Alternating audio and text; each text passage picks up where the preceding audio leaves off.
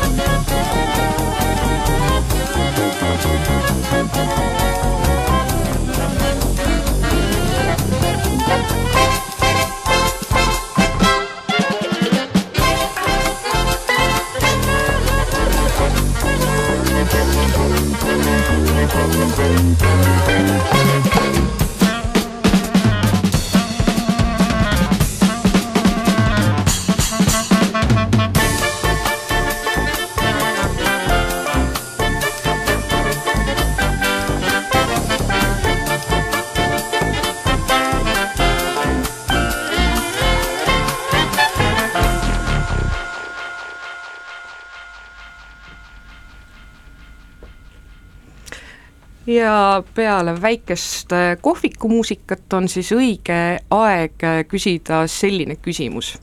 mis asi see loovkirjutamine siis õige peal, või noh, õi-, jooksis kokku, äh, mis asi see loovkirjutamine siis õigupoolest on? millest me räägime, kui me räägime loovkirjutamisest? loovkirjutamine, saad kohe mind ka asja parandada põhimõtteliselt on igasugune tekst, milles on antud sulle vabad võimalused rakendada oma fantaasiat ja loovkirjutamisel saab olla mitu erinevat eesmärki.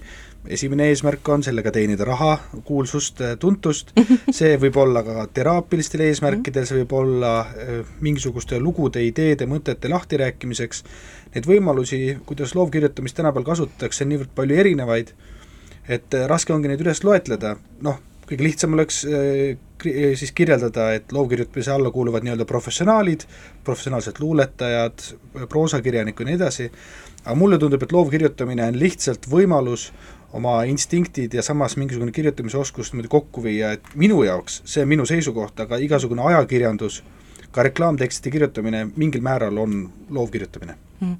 Kusjuures äh, väga hea vastus, sellepärast et äh, sa käisid üle tegelikult kõik punktid, mida me ühel või teisel moel täna siin puudutame.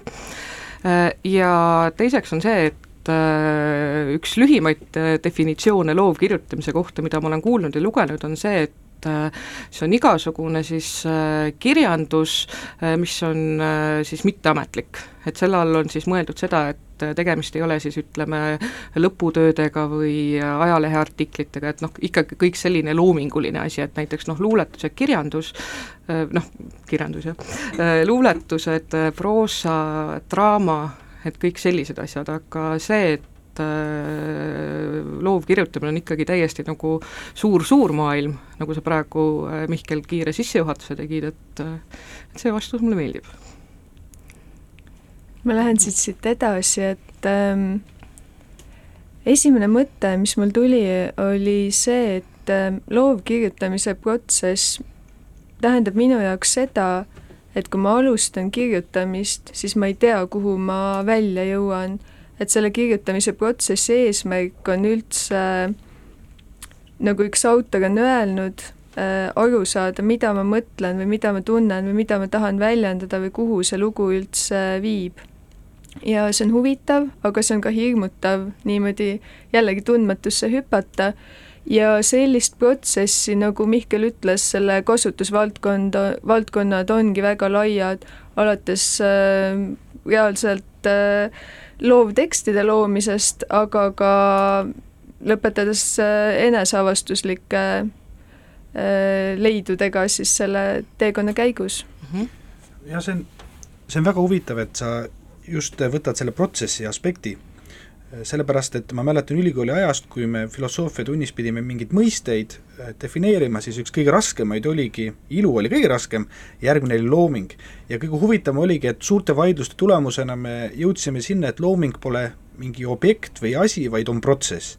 et ma arvan, et, mhm. et siin me oleme tabanud mingisugust vähemalt protsess on see, millega ka loovkirjutamise õpetaja saab töötada, see on miski, mhm. kus me saame abiks olla Äh, no kui äh, siit neid äh, märksõnu edasi kasutada, et see suvi ma tegin kuuel korral Genialistide klubis, kaldkriips siis magasini suvila programmis lookirjutamise töötubasid. ja kui niimoodi võtta, et siis seal tegelikult saigi tegeletud just selle protsessiga, et et äh, ma andsin mingisugused olukorrad või mõtted ette ja siis äh, põhimõtteliselt inimestel oli siis valida, et kas äh, kirjutan või põgenen. aga inimesed ikkagi kirjutasid ja et noh, seal oli täpselt samamoodi tegemist selle mingisuguse protsessiga, et, et sa vaatad, et kuhu sa välja jõuad, et, et selline tõesti nagu eneseavastamine. ja just see eneseavastamine on ka minu jaoks ikkagi päris suur osa sellest kirjutamisest kui sellisest, et et äh, eesmärgiks ei olegi ju tegelikult see, et äh, tekiks äh, raamatupoodi juurde kümme raamatut või et kõik saaks avaldatud, vaid et just seal ongi see vabadus, et, et mul on märkmik ja see on see minu salamaailm, et kus on sellised väikesed harjutused ja kuna nad, nad on sellised lühikesed ja pisikesed, et siis ei ole nagu sellist pinget peal. et saab rahulikult niimoodi vaadata, et kuhu nad niimoodi välja jõuavad jah, ma olen täiesti nõus sellega ja sedasama ma tajusin just nendes äh, töötubades, mida Marita seal magasini suvilas läbi viis, et äh, neil ei olnud äh, praktilist väljundit, see oli minu jaoks uudne kogemus, et kui ma olin enne teinud ja andnud ülesandeid, kus vähemalt äh, on võimalus, et sellest sünnib midagi avaldatavat, luuletus või artikkel või äh, proosatekst, siis äh, näide Marita antud ülesandest võis olla selline, et kirjuta sellele tähemärgile selline äh, horoskoop, kasutades ühte etteantud lauset, mis läheks äh, mõnda konkreetsesse ajakirja, et see ei ole midagi, mida saadaks Loomingusse või isegi mitte Eesti Ekspressi. ja tagantjärele ma mõtestasin, et mida, miks see töötuba mulle nii väga meeldis ja tegelikult ma leidsin vastuse ühe arengupsühholoogi Alison Kopniku raamatust, kus ta toob välja, et et see on mäng, mäng ongi tegevus, millel ei ole otsest praktilist eesmärki ja selle tõttu me vahel peame seda kasutuks või mõttetuks, eriti täiskasvanud inimestena, aga tegelikult äh, on teadlased juba väga ulatuslikult välja selgitanud, kuidas näiliselt mõttetu tegevus, selline mängimine meid väga palju arendab ja aitab õppimisele kaasa ja tegelikult see annabki neid ülekantavaid oskusi eluks, sest äh, ka elus tuleb vahel seista vastamisi ülesandega, kus on mingid tegurid ette antud ja sealt edasi tuleb lihtsalt improviseerida mm. -hmm. no ma lähen siin väga tehniliseks juba, aga, aga ma olen absoluutselt kõigega nõus, mis sa ütlesid. aga siin on ka see aspekt, et nendel nii-öelda tekstidel või mõttelõikudel, millel me võib-olla esmast otstarvet ei näe, siis mm -hmm. otstarve võib tulla Mm -hmm. et äh, kunagi Trakadeemiasse minnes oli üks esimesi ülesandeid nädal aega iga päev teha kolm korda ühe minuti kirjutamist. ja see tundus käis... alguses nii hirmuäratav hirmuäratav ja samas ka natuke mõttetu, et lihtsalt ma panin kellaga endal lihtsalt üheks minutiks ja kirjutad nii palju, kui jõuad.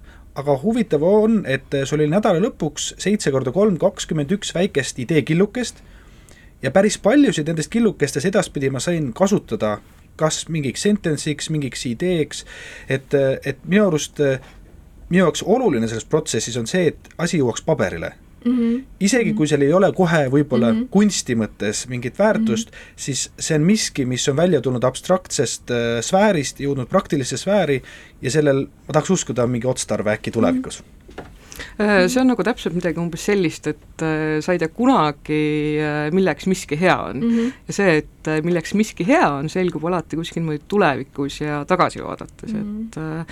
et et noh, tõesti, et kui alguses oli see retsept, et nädal aega, kolm korda päevas, ühe minuti kirjutamine, et alguses oli tõesti selline tunne, et noh, okei okay,, et teen ära ja noh, et ikkagi noh, korralik koolilaps, et noh, võiks ju teha, aga see ühel hetkel äh, hakkas juba niimoodi huvi pakkuma, et äh, tekkis nagu selline rutiin, kui niimoodi saab öelda, ja ka juba nagu selle raami enda sees tekkis nagu see vabadus. et äh, see oli vist kuskil seal Akadeemia teisel aastal, kui ma korra mõtlesin seda, et teeks lihtsalt ühe väikese eksperimendi.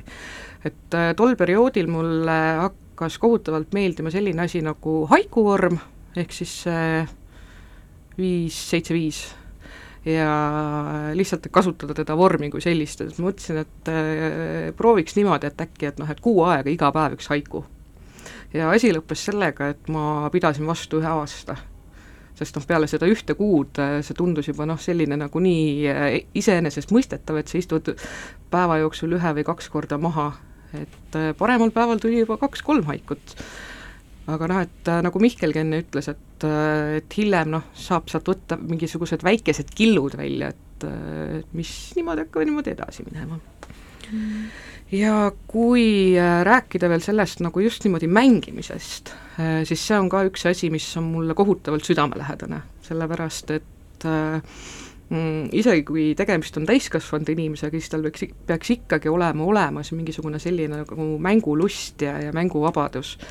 ja noh, et selle poolest on ka tegelikult see loovkirjutamine väga-väga tore asi, et seal ei ole olemas äh, ei õiget ega valet mm -hmm. vastust et seda mul näiteks äh, kursustel või tundides niimoodi esimesel kohtumisel on päris palju küsitud, et või noh, ikka suunatakse, et noh, et kas on mingisugune selline õigem või vale vastus või et kuidas niimoodi täpsemalt ja noh, et siis, kui sa saadki öelda, et aga noh, täpselt see, kuidas sa sel hetkel näed. või see, et kui näiteks mingisugune harjutus on ära tehtud ja pärast noh, loetakse neid tekste ette, siis keegi ütleb, et issand jumal, mul on tunne, et ma sain valesti aru siis on noh, ka niimoodi, et ei, sa ei saanud valesti aru, sa said teistmoodi aru, sa said noh, täpselt nii, nagu sa parasjagu tõlgendad seda, et et äh, noh, tegemist ongi mänguga. ja noh, et näiteks Kaisa siin enne äh, mainis, et need äh, suvised töötoad, et seal ka, et noh, sellist noh, praktilist väärtust ei ole otseselt, et ongi nagu sellised väikesed killud ja väikesed mängud, et seda on nagu varem ka üks noh, mis oli esimene siis töötuba eelmine suvi, et seal ka üks sõber lihtsalt jäi sinna ja noh, proovis ka need asjad äh, järgi ja see, et ah, ma teen selle ühe harjutuse ära või mängin kaasa, et noh, et sellest sai nagu see täis poolteist tundi pidas vastu. ja pärast ütles ka, et noh, täitsa mõnusad sellised seltskonnamängud mm.. aga võib-olla peaks võib-olla paar sõna rääkima siis Trakadeemiast, äh, mis on siis nagu minu ja Mihkli selline ühine taust. kas mina räägin või? Näiteks. ma võin ka sa ütle ka sõna sekka. Trakadeemia ehk Draamakirjanike Akadeemia loodi nüüd juba üksteist aastat tagasi, kahe tuhande kaheksandal aastal, Siret Kämpel, näitekirjanik ja, ja õpetaja, tuli, tuli Inglismaalt Eestisse ja tundis, et et siit, tema just vaatas nii-öelda näidendi kirjutamise maastikku selle tundega, et et siin võiks olla ka selline äh, mitteformaalne, aga siiski süsteemne äh, kirjutamise õpetamise viis. ja tegi üheaastase kursuse, kursuse ja siis me ei käis... tahtnud enam seal ära minna. just, ja see legend on, et äh, Marite oli ka sellel esimesel, legendaarsel esimesel lennul ja nad ei tahtnud enam ära minna, mina liitusin selle kooliga teisest aastast ja niimoodi vaikselt aastatega oleme me laienenud, äh, Marite ja mina ise oleme hakanud ka seal tunde andma ja me oleme laienenud näidendižanrist väljapoole, stsenaristika, proosa, dramatiseeringud, üldse mingisugused muud vormid, et, äh, et sellest on saanud, äh, saanud ikkagi midagi väga järjepidevat ja samas väga paindlikku. ja, ja tõesti, nende aastatega on meie seast läbi käinud hästi palju inimesi ja mis teeb minu jaoks Akadeemia niivõrd põnevaks, on see, et kui erinevate taustadega inimesed sinna tulevad, et no tõesti, kõige erinevatest valdkondadest kõige ootamatumad, ootamatute lugudega inimesed, eh, väga professionaalsete ambitsioonidega eh, ja inimestega, kes soovivad just nimelt seda protsessi, mängu, võib-olla isegi mingisugust vabanemist kirjutamise kaudu. aga see ühine huvi on kirjutada sest eh, kirjutamise protsess minu jaoks, miks ta on nii tähtis, eriti tänasel päeval, on sellepärast, et kirjutamine on siiski aeglane. aeglasem kui mõte ja jutt ja ta annab võimaluse hetke peatuda ja vaadata mida ma olen kirja pannud, mida ma olen nende sõnadega ikkagi mõelnud, miks ma olen selliseid sõnu kasutanud, et see on minu jaoks sellises kiires elus nagu parim, parim meditatsiooniviis. Et selles mõttes sellega ma olen täiesti nõus, sest äh, kui ma hakkasin kunagi akadeemias käima, et siis oli ka, et noh, igasugused ülesanded, mida Siret siis andis, et nad ikkagi sundis ikka niimoodi aega maha võtma. ja kuna see eriala, mida ma ülikoolis õppisin äh,, kirjandus- ja teatriteadus äh,, siis äh, see teatriteaduse pool just äh, samamoodi soosis seda, et kuidagi hakata detaile märkama ja kõike niimoodi. ja tollest perioodist ma mäletangi seda, et vahepeal oligi lihtsalt see, et et äh, põhimõtteliselt siis istusid kohvikus, näiliselt ei teinud mitte midagi, aga tegelikult, et kõik, mis niimoodi peas toimus või hiljem paberile jõudis, et noh, et seal ikka käis äh, terve maailm läbi, et äh. ma lihtsalt, Marite, ma sellepärast küsisin enne, et kes meist sellest räägib, on sellepärast, et kui ma mõtlen Akadeemiale, siis ja vaatan sind, siis see on nagu peaaegu nagu sünonüümid, sest tõesti, esimest korda Akadeemiast ma kuulsin sinult, sinu, sinu enda töötoas, mis tegid, see oli kas teatritehas oli äkki Tartus selline selline organisatsioon. Mm -hmm. ja aga nüüd ma olen vaikselt ise aru saanud, et mina ise olen väga Akadeemia produkt, kui nii võib öelda, et minu arusaamad nii juhendajana kui kirjutajana on sellest organisatsioonist äh, nagu läbi põimunud ja, ja mulle osaks saanud, nii et et äh, jah, tegelikult ma võin täitsa nüüd kümne aasta möödudes ka ise seda organisatsiooni juba üsna adekvaatselt tutvustada, ma ei olnud varem selle peale nii mõelnud nii, aga noh, kui me räägime veel loovkirjutamisest ja sellest, et noh, et nii palju, kui ma ise olen praegu selle maailmaga tuttav, et siis mul on ikkagi tunne, et, et akadeemia oli üks esimesi variante, mis äh, niimoodi süstemaatiliselt hakkas seda maailma tutvustama. aga kui me räägime loovkirjutamisest ja erinevatest süsteemidest, siis neid variante on veel nii mustmiljon. et et äh, näiteks Kaisa, sina käisid äh, Kristiina Ehini kursusel Tartus. jaa, ma käisin äh, alates sellest, kui ta sinna õpetama tuli äh,, kokku kolm aastat igal aastal mm. -hmm. ja see oligi, ma olin just hakanud kirjutama äh, iseseisvalt ja noh, avastanud nii, nagu te olete välja toonud, et et äh, kui, kui palju läheks kaduma sellest äh, igapäeva märkamistest ja kogemustest, kui seda ei salvesta kirjalikul viisil ja kuidas hiljem tagantjärele on neid kirjalikke salvestusi nii huvitav lugeda, isegi kui tol hetkel need ei tundunud võib-olla praktilised, ja kui ma olin aasta algusest kirjutama hakanud, siis ma sattusin lugema Eesti Naise ajakirjas et Kristiina Ehin tuleb Tartusse elama ja hakkab neid tegema ja, ja siis kogu see kolm aastat, kui ta neid tegi, siis ma seal käisin. Ja see oli väga oluline aeg mu jaoks ja kujundas kindlasti mind kirjutajana, ühest küljest see seltskond, teisest küljest äh, kindlasti Kristiina juhendajana. Ja tõtt-öelda ma siiamaani igatsen selliseid iganädalasi äh, kokkusaamisi, sest äh, nagu Mihkel ütles, see igapäevaelu on kuidagi kiirem äh,, asjalikum mm. ja sellised teiste loovkirjutajatega kokkusaamised, ma tol ajal võrdlesin neid nagu sellise oaasiga, kus sai korraks lihtsalt äh, rahulikult olla ja mõelda ilusatele asjadele või valusatele asjadele või, või kõigele sellele, milles nagu igapäeva elus äh, aega või ruumi ei ole, et nagu vist üks kunstnik on öelnud, et kunst pühib igapäevaelult selle tolmu maha, et väga hea oli vahepeal seda tolmu maha pühkida. ja samas siit äh, tuleb jälle välja tegelikult see märksõna, et äh, ikkagi on vaja nagu sellist äh, teatavat rutiini, mis on tegelikult noh, hästi huvitav, sellepärast et kunsti ja kunstnike ja kirjanduse ja kirjanike puhul on millegipärast ikkagi selline noh, mingi stereotüüp, et rutiini ei ole ja et see tapab kõik. aga samas on just see, et nagu selliseid kindlaid kokkusaamisi või, või see, sellist nagu eesmärgistatust ja, ja samuti ka tegelikult see, et et kui su ümber on ikkagi inimeste hulk, kelle silmad põlevad samal põhjusel kui sinu silmad. ma ei tea, kas ma, julgen niimoodi öelda, see on meelevaldne jaotusega, ütleme, minu arust on kahte tüüpi loojaid, ühed on sellised, kes on sellest sünnihetkest veendunud, nendest eh, pritsib loomingulist igast nurgal, nad ei suudagi elada ega hingata, millegi muuta, see, et nad satuvad eh, loomingumaailma, on justkui ette määratud. kas nad teevad seda või nad surevad. ja siis on teine grupp inimesi, kelles on ka loominguline potentsiaal, aga kas ei ole nii enesekindel, kas ei ole nii ilmselge, see on peitunud teiste asjade alla, see on niimoodi ratsionaalselt nagu pandud kuskile kõrvale. Ja selliste inimeste puhul mulle tundub, on ääretult vajalik just nimelt sellised kohtumised, nagu, nagu sa kirjeldasid, me trehvasime alles täna, aga sa räägid nii sarnaste sõnadega sellest, et mul on ka juba selline tore nagu kokkusaamise tunne ja see väga-väga sarnaseid äh, nagu, nagu tundeid olen ma tundnud nendest kohtumistest ka akadeemias.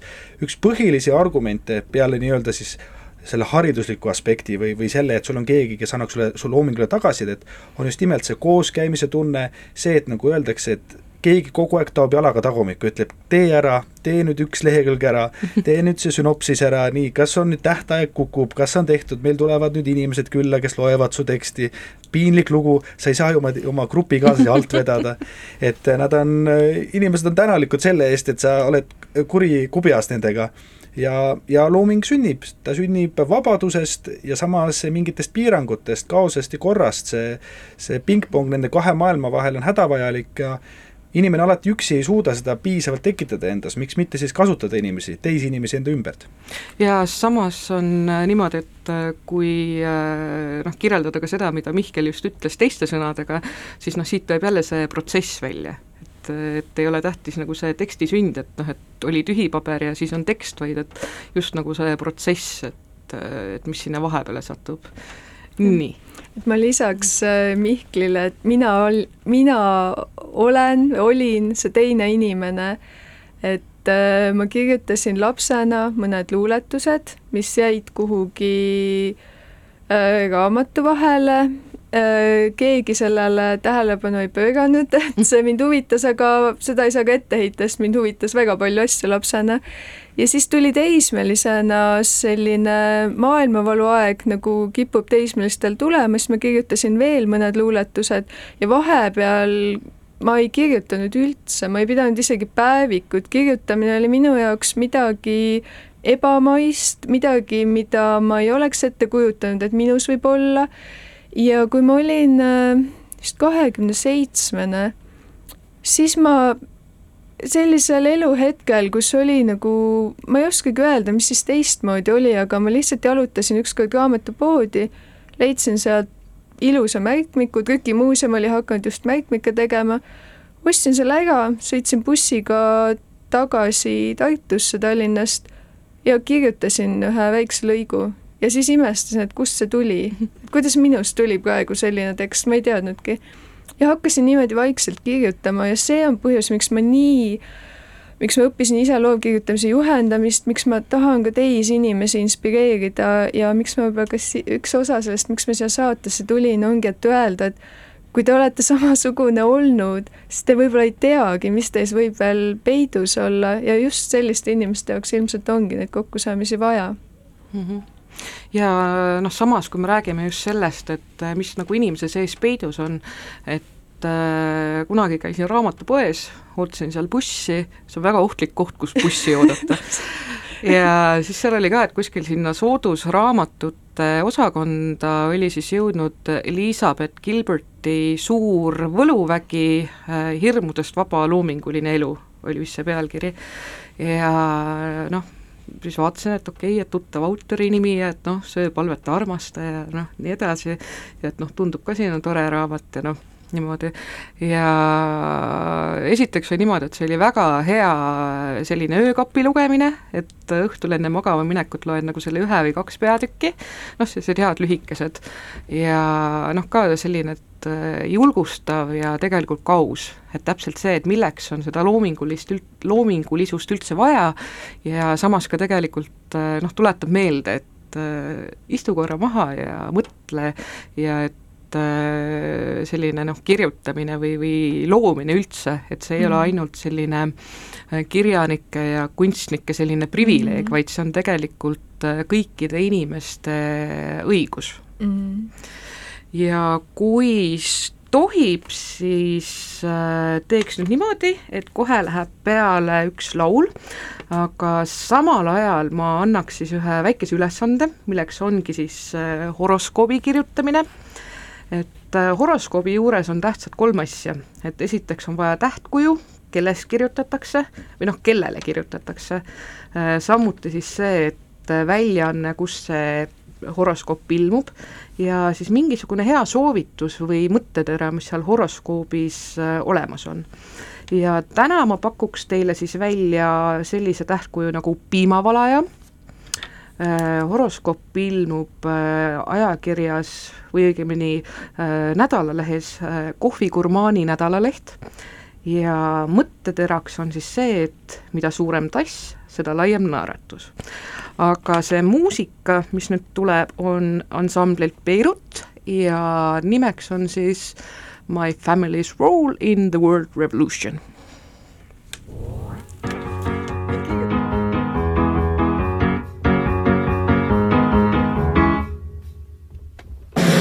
Let's go, let's go. Nick fucked it up again.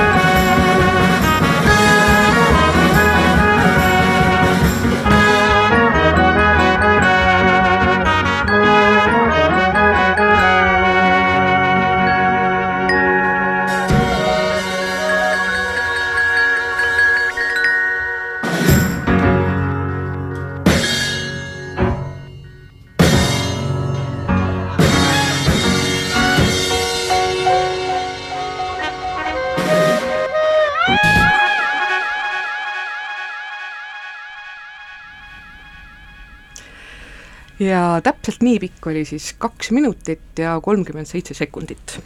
Äh, loodetavasti on ka teil valminud mõni horoskoop, äh, saab uurida ka seda, kas äh, stuudios viibijatest soovib keegi lugeda ette, mida räägitakse siis piimavalajale ajakirjas või noh, nädalalehes Kohvigurmaani nädalaleht no see oli küll alatu tegu praegu. oli tõesti mul ei olnud isegi, mul ei olnud isegi märkmik oli koti põhja ära pakitud, aga noh, kui Marite ütleb, siis tuleb teha. see on, see on üks põhiline seisukoht, vähemalt minu, minu palve, kui ma annan tunde, niisuguseid ühekordseid tunde tavaliselt õpilastele ja nii edasi, on minu palve on see, et mul on teie kiusamiseks poolteist tundi, siis ma kaon teie elust tõenäoliselt igavesti, minu ainuke palve on kirjutage, lihtsalt kirjutage kirjutage kas või, et mul ei ole ühtegi mõtet ja miks ma siin tunnis pean olema, aga lihtsalt kirjutage. ja ma ei saa nüüd ise taganeda sellest, kui Marita juba käskis, siis tuleb kirjutada. mis need äh, äh, parameetrid uuesti olid, ole hea, korda äh,. piimavalaja on siis tähemärk, kohvigurmaani nädalaleht on siis väljaanne ja selliseks äh, mõtteteraks on siis mida suurem tass, seda laiem naeratus no ma lähen siis või, või tahad ka ise enne? ei, lase käia. Nonii, piimavalaja. ööd on meil siin mustad, piimavabad, aga hommik saabub sinu jaoks ikkagi võimsa erksuse sööstuga. iga tassiga tõuse, tõuseb piimavalaja üha kõrgematesse sfääridesse. seikle, kuni magu kannatab siis... see oli siis vaikne aplaus praegu ma siis äh õigin Mihkli eeskuju. see tuli tõesti praegu ilma ettevalmistuseta. aga väga palju tuleb... hoiatusaega just ei antud ja, ka see on see tundmatusse hüppamise lubadus kehtis. nii, sellenädalane horoskoop soovitab piimavalajale juua kohvi võimalikult suurest tassist, sest mida suurem tass, seda suurem naeratus. kui tuju on eriti kehv, siis soovitame kohvi juua potist kui on dia-, kui teil on diagnoositud depressioon, siis pesukausist. See pesukausis kohvi joomine kõlab nagu esmaspäeva hommik. Ja ometi, kuigi tegemist oli praegu meie mõlema puhul esimene asi, mis pähe tuli, siis te nägite kahte üsna erinevist, erinevat ja. lähenemist, üks oli sa, üks siis minu lähenemine oli, mulle tundub pigem mingisuguse poeetilise kujundi leidmine ja Kaisa lähenemine oli metoodiline, et sa kasutasid ära need asjad, mis tavaliselt äh, horoskoobis on ja lisasid sinna selle, vot need väiksed nüansid, et sa kasutasid kõik ehituskivid, mis sul olid ära.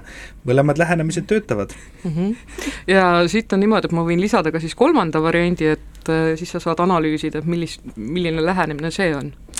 piimavalaja, ära karda suuri tasse pea meeles, mida suurem on tass, seda laiem on naeratus kliendi huultel. ja lisaks ütleme ka seda, et selleks nädalaks sobib eriti hästi selline keskmise röstiga araabika. ja samuti, kui väga-väga vaja, siis ka tee. no see on ilmselgelt müügitekst siin on, on ilmselgelt, siin üritatakse meile midagi pähe määrida. aga see on ootamatu. aa, see on siis võib-olla see, mis, kus tavaliselt ajalehtedes äh, on, et äh, sisuturundus äkki või ja tegelikult on niimoodi, et kui me hak-, kui juba tuli kasutusele sõna sisuturundus, äh, siis võib-olla nüüd viiks teema sellisele asjale nagu impro kirjutamine et äh, mõlemad äh, stuudios viibijad on äh, tegelikult selle protsessi läbi teinud, et kunagi aastal kaks tuhat kaksteist kevadel, kui toimus esimene impro kirjutamine, siis Mihkel oli seal täitsa olemas. kas ma tõesti olin esimesel impro kirjutamisel? jaa püha taevas, mingid ajaloolised sündmused. ja kindlasti on võib-olla juba tekkinud küsimus, et mis asi see impro kirjutamine siis on. Noh, mina ütlen selle kohta tavaliselt lühidalt, et impro kirjutamine on nagu improteater, aga kirjutamisega. et kui improteatris sünnib etendus, siis näitlejate ja publiku äh, niimoodi koostöös, et siis impro kirjutamisel sünnivad samamoodi tekstid et äh, Kaisal on äh, see mälestus natukene värskem äh, augustikuust, et kuidas sina seda kommenteerid?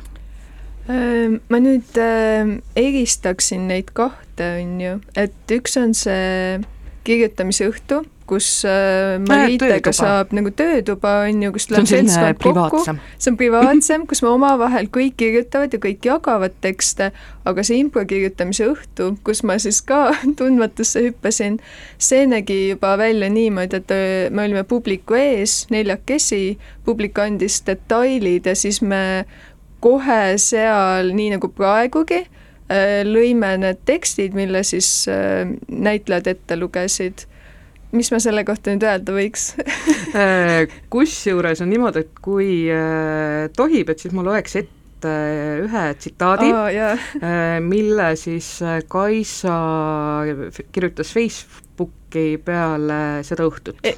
jah. või laseks Mihklil lugeda seda? ei, Mihkel ei taha. no selge, siis ma loen ise.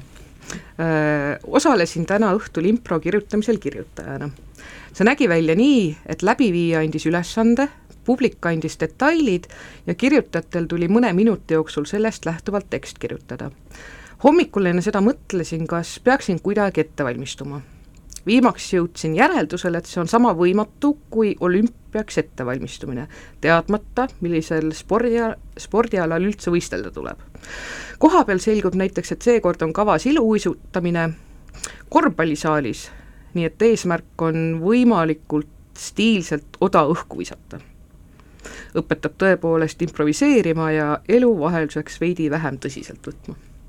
aga minu meelest see on nagu üks äh, ilusamaid ja kokkuvõtmavaid asju, mis seda äh, impro kirjutamist tegelikult äh, kirjeldab no vist on paslik öelda, et impro kirjutamine, Marite, on, on sinu lapsukene ja sa oled seda formaati ikka ja jälle meelde tuletanud äh, inimestele ja me oleme seda ka aastate jooksul ühte ja teistmoodi proovinud, et on ju vahel näitlejaid käinud seda ette lugemas mm -hmm. ja, ja nii edasi.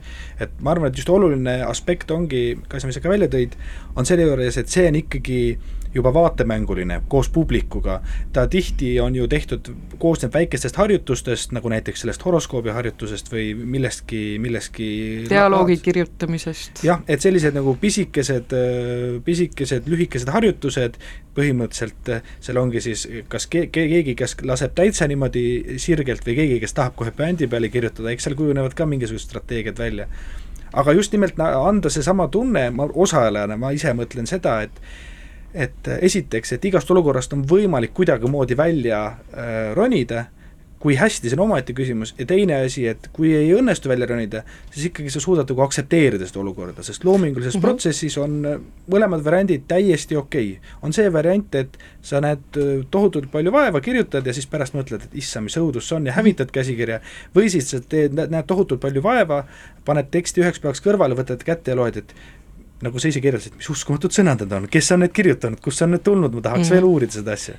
ja noh, et seal noh, tulebki lihtsalt äh, kas või see asi, et kui me räägime improst kui sellisest, siis äh, tegemist ongi ju sellise hetkeloominguga ja noh, põhimõtteliselt seal tuleb veel eriti mängu see, et et kõik otsused, mida sa vastu võtad sellel hetkel, on kõige õigemad ja see ongi mm -hmm. see sinu reaktsioon parasjagu sellele Äh, mõttele, tundele, ülesandele, äh, noh, kõik, mis seal mängu tuleb. ja noh, et kui rääkida kas või improteatrist, siis äh, põhimõtteliselt improteatril kui sellisel on tegelikult üks reegel, vasta alati jah, aga. et noh, täpselt see, et sa hakkad sealt kuskilt minema ja paned veel midagi juurde ja vaatad, et kuhu niimoodi välja jõuad ja noh, näiteks impro kirjutamisest on ka tegelikult üks hea lege-, äh, selline legend, mida kasutada, et meil oli Tallinnas, oli Vene tänaval, oli paar aastat tagasi, no ikka päris mitu aastat tagasi oli äh, impro kirjutamise sündmus ja siis üks pealtvaataja äh, tal hakkas selle ühe harjutuse põhjal äh, mingisugune mõte jooksma ja ta kirjutas selle pealt näidendi. et tema jaoks see andis nagu selle mingi impulsi kätte, et et äh, niimoodi, et, et noh, et kas või juba vaatajana võib. ja noh, samamoodi on tegelikult kas või see, et kui tihti on vaatajana võimalus mõjutada seda, mis tekste kirjutatakse. et äh, noh, seda väga tihti ei teki ja samuti ka tegelikult äh, see, et just nagu selline äh, loosipurgi efekt, et et mina panen ühe sõna mängu, sõber kõrvalt paneb teise sõna mängu ja siis need veel kohtuvad kuskil ja kuskilt tuleb veel mingisugune kolmas sõna ja et äh, sellised asjad. ja, ja mis selle impro kirjutamise puhul ma tabasin iseennast samamoodi kogu aeg mõtlemast, et kas see oli nüüd hea, kas see oli nüüd äh, õigesti tehtud ja ja, ja tasapisi mida seesama metafoor ka edasi annab, mille Marit ette luges, on see, et sellist spordiala ei saa hinnata, et seal on äh, oluline see kohale minna ja nendes oludes äh, teha seda, mis on võimalik. Ja ma arvan, et äh, kümme aastat tagasi ma oleks mõelnud, et see on hullumeelsus, et ma ei suudaks midagi sellist teha ja ja ainuüksi see, et äh, ma suudan ja see on äh, huvitav ja lõbus, see on juba jällegi väga arendav ja saavutus ja ma ei tea, kui ma läksin sinna info kirjutamisele, eks mul oli enne närv sees ja siis äh, Marita, kas sa mäletad, kuidas sa mind lohutasid, kas sa tahaks seda raadioeetris öelda? oota, ma mõtlen, milline see lohutusvariant ja mul on see ka olümpiametafoor oli see. Äh, põhimõtteliselt ähm, see, see ei ole võib-olla kõige poliitiliselt korrektsem, aga, aga noh, et põhimõtteliselt, et äh, tegemist on nagu sellise paraolümpiaga, et medali saavad kõik. ehk siis äh, sellist noh, kohtade väljaandmist ei ole, et näiteks kui ma olen inimestele rääkinud, et kuule, et ma tean, et sa kirjutad natuke ja mina nüüd korraldan sellist asja, et noh, et avalik kirjutamine väga palju aega ei ole ja et noh, nagu sellised etüüdid paberil ja ja noh, et noh, võivad tulla dialoogid või luuletused või mingisugused hübriidid või, või reklaamtekstid või, või, või horoskoobid, äh, noh, et siis küsitakse ka, et oot-oot, aga kas on mingisugune noh, ma ei tea, mingi kohtade teema mm -hmm. või, või kuidas sellega nagu on.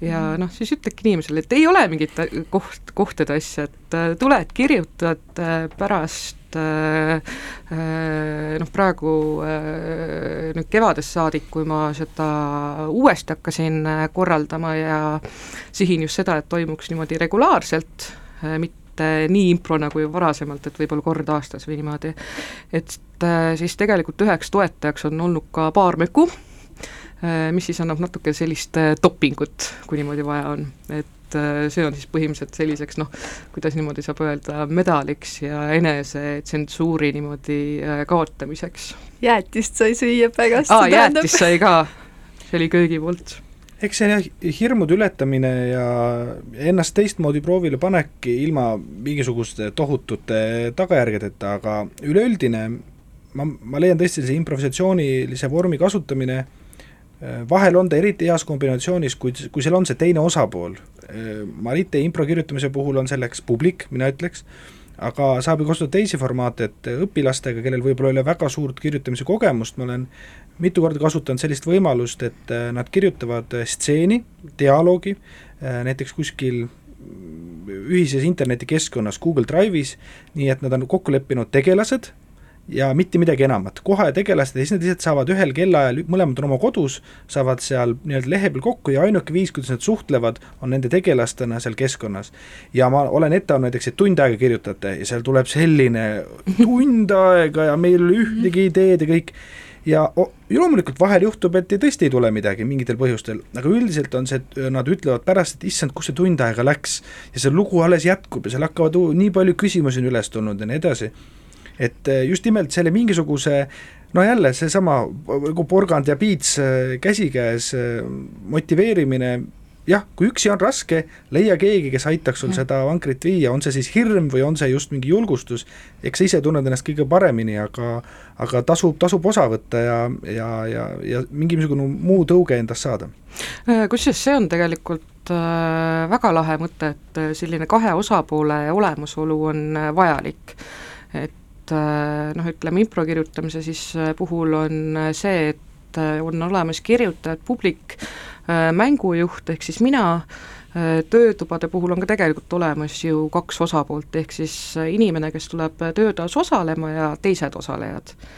ja noh, et kuskil on see duaalsus on niimoodi alati olemas, et no veel kord, et ma just nimelt, noh, ma ütlen, kas ma tahaks ka sinuga kohe pärast eh, pikemalt arutleda üldse sellest, kuidas oma, kuidas sa töötuba üles ehitad ja nii edasi, sest eh, minu jaoks on oluline selline üldine seisukoht, kui me räägime nüüd professionaalsest kirjutamist, on see, et kirjutamist ei saa õpetada, kirjanikuks ei saa õpetada. Mm.. Akadeemia on üksteist aastat eksisteerinud ja enamjaolt esimene küsimus, mis tuleb vastata, on alati, et aga seda ei saa ju õpetada no kuidagimoodi ju saab, äh, kuidagimoodi, et loomingut ei ole võimalik õpetada.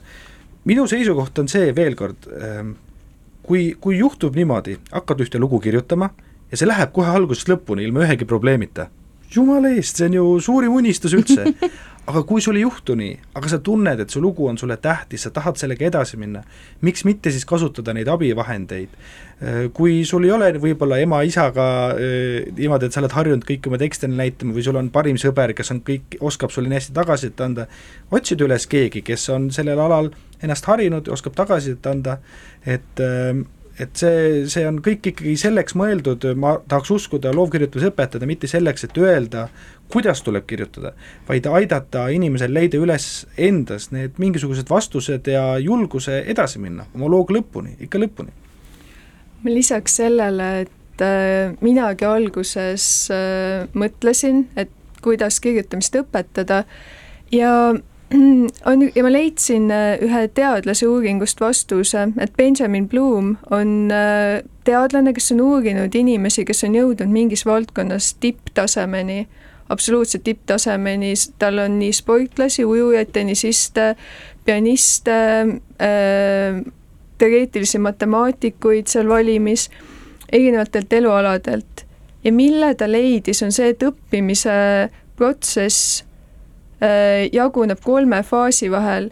esimene faas on, äh, ta nimetab nagu armastuse faasiks, et need, kes hiljem ka jõudsid oma valdkonnas absoluutsesse tippu, nad ei alustanud sellise nõudliku õpetaja käe all, kes kohe hakkas neile meetodeid seletama, kohe hakkas seda valdkonda õpetama, vaid nende esimene õpetaja oli keegi, kes tegi selle nende jaoks mänguliseks, huvitavaks, äh, kes tekita-, sütitas neis huvi selle valdkonna vastu ja tahtmise sellega tegeleda. ja ühel hetkel tuli loomulikult see soov meetodeid õppida ja hakata harjutama ja teha seda tõsisemalt, aga see ei ole see, kust see algas, no ja hiljem siis tuli juba selline professionaalse arengu etapp. ja, ja seda äh, mängulist faasi või seda huvi äratamist et äh, seda on ka vaja teha ja see jääb paraku minu jaoks on jäänud haridussüsteemis puudu, sellepärast ma nii noh, olengi jõudnud hiljem selleni, et see on ka oluline. ja seda sellised üritused minu arust paljuski pakuvadki et noh, mõnes mõttes on äh, see, et noh, et see jutt, mis sa räägid, on tegelikult täpselt äh, see, mis äh, mu selline salajane mõte on, äh, sellepärast et kuskil selline noh, lugude sees ma olen elanud niimoodi väikesest saadik, äh, ja kuskil seal põhikoolis siis lihtsalt ühel või teisel moel tehti selgeks, et neiu, teie ei oska kirjutada, ja samas tegelikult nagu oleks tahtnud, aga noh, et siis ongi see, et noh, et kui ikka sellised autoritaarsed figuurid niimoodi ütlevad, siis noh, järelikult niimoodi on. Aga see-eest äh, keskkoolis sattus mulle hästi hea ja lahe kirjandusõpetaja, nii et suur tänu Anne Mädule, äh, kes siis jälle tuletas sellise kirjutamisrõõmu meelde mm. -hmm. ja et äh, noh, mõnikord oligi siis niimoodi, et et kirjandite puhul, et alguses lihtsalt ütleski, et nii, et noh, vaatame nüüd kahte asja, et üks on need kirjavahemärgid, need saab ära õpetada, aga noh, et sisu vaatame eraldi. ja et noh, et sealt siis jälle tuli selline selline rõõm tagasi ja ja kui ma oleksin sinna kooli mõttega minna Tehnikaülikooli programmeerijaks, siis äh, programmeerijat minust ei saanud, aga minust sai siis kirjutav inimene. ja et just nagu see, et äh, ma tahakski inimestele tutu-, tutvustada seda mängurõõmu ja kõike seda, et äh, et kirjutamine on lahe kirjutamine on mäng kirjutamine aitab aega maha võtta, märgata elus erinevaid asju, äh, sest noh, oleme ausad, et tänapäeva selline kiire maailm, noh, nii klišeena, kui see ka kõlab, et et lihtsalt on vaja leida nagu see hetk, et et mis korra aitab sealt rattast maha saada ja ümberringi vaadata. nõus just. ja selles mõttes noh, et tehes siis selliseid erinevaid kokkuvõtteid praegu, et äh, tegelikult võib-olla annakski sellise väikese retsepti siis kaasa, et järgmine nädal äh, leidke endale päevas siis ideaalis kolm korda üks minut. aga kui te juba nädal aega leiate endale kord päevas selle ühe minuti, mille jooksul te lihtsalt kirjutate äh, täpselt seda, mis parasjagu äh, peas toimub äh,, siis võib-olla hakkab meeldima ja samas saab katsetada ka erinevate paberite ja erinevate selliste pastakatega ja võib-olla üldse, kellel istub niimoodi arvutis kirjutamine või telefonis või noh, neid variante on nii palju. ja kuna enne oli juttu ka siis äh, impro kirjutamisest kui sellisest, äh, siis äh, praegusel hetkel pesitseb, pesitseb see sündmuste sari Tartus Äh, ühel hetkel on ikkagi plaan hakata käima ka mööda Eesti teisi linnu, aga noh, nagu entusiasmil põhinevate asjade kõik on, siis alguses äh, tuleb ühes kohas käima lükata ja siis saab edasi vaadata. aga järgmistel kuudel on siis äh, pesaks Tartus Genialistide klubi, viisteist november õhtul kell seitse, kaksteist detsember õhtul kell seitse ja kuusteist jaanuar õhtul kell seitse. et äh, põhimõtteliselt on äh, veel novembris mõni vaba kirjutaja koht, äh, detsembris ja jaanuaris on veel päris mitu vaba kohta ja alati on ruumi ka publikule ja praegusel hetkel siis ma sooviks öelda suure aitähi kahele inimesele, kes siis täna õhtul hüppasid minuga koos tundmatusse Äh, esiteks siis Kaisa Berg, aitäh sulle, äh, Mihkel Seeder, aitäh sulle, ja tegelikult on meil ka kolmas salajane niiditõmbaja. et suur aitäh ka temale. ja viimasena paneks siis mängima ühe laulu, aga enne teeks veel reklaamiminutid, et äh, praegu, kui otsite üles Facebookist sõna impro kirjutamine, siis leiate üles selle veebipesa et äh, sealt saab ka igasugust jooksvat informatsiooni ja Trakadeemia kohta saab äh, infot nende kodulehelt, milleks on siis trakadeemia.ee. on praegu e lõpuga ikka, eks ole, meil. Ja praegu ma paneks siis äh, mängima ühe halli oktoobrisse sobiva poeetilise laulu, esitajaks on Hilisejad ja lauluks on Rotid tänaval. Kohtumiseni järgmise korrani, aitäh täna kaasa kuulamast ja kaasa mängimast!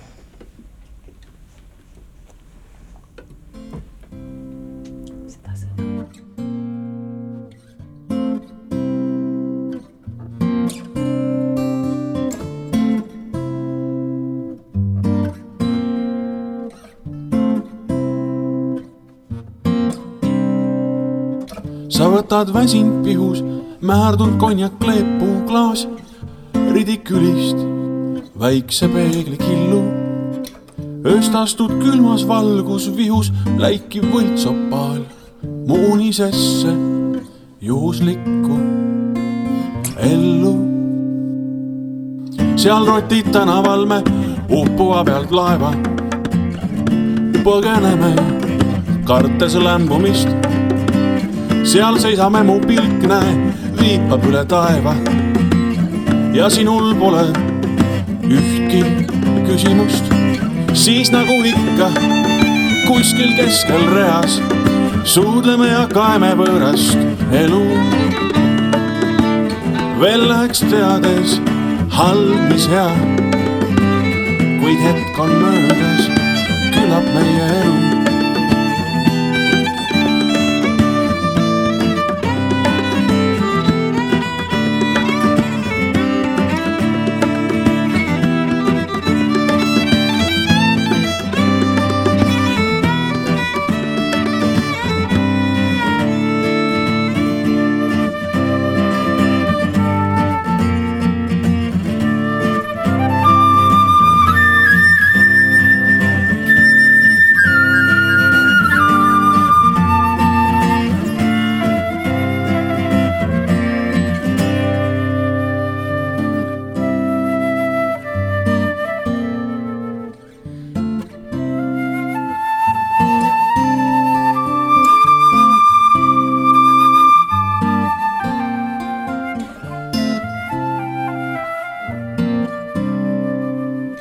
siis nagu ikka kuskil keskel reas suudleme ja kaeme võõrast elu. veel läheks teades halb, mis hea, kuid hetk on möödas, küllap meie elu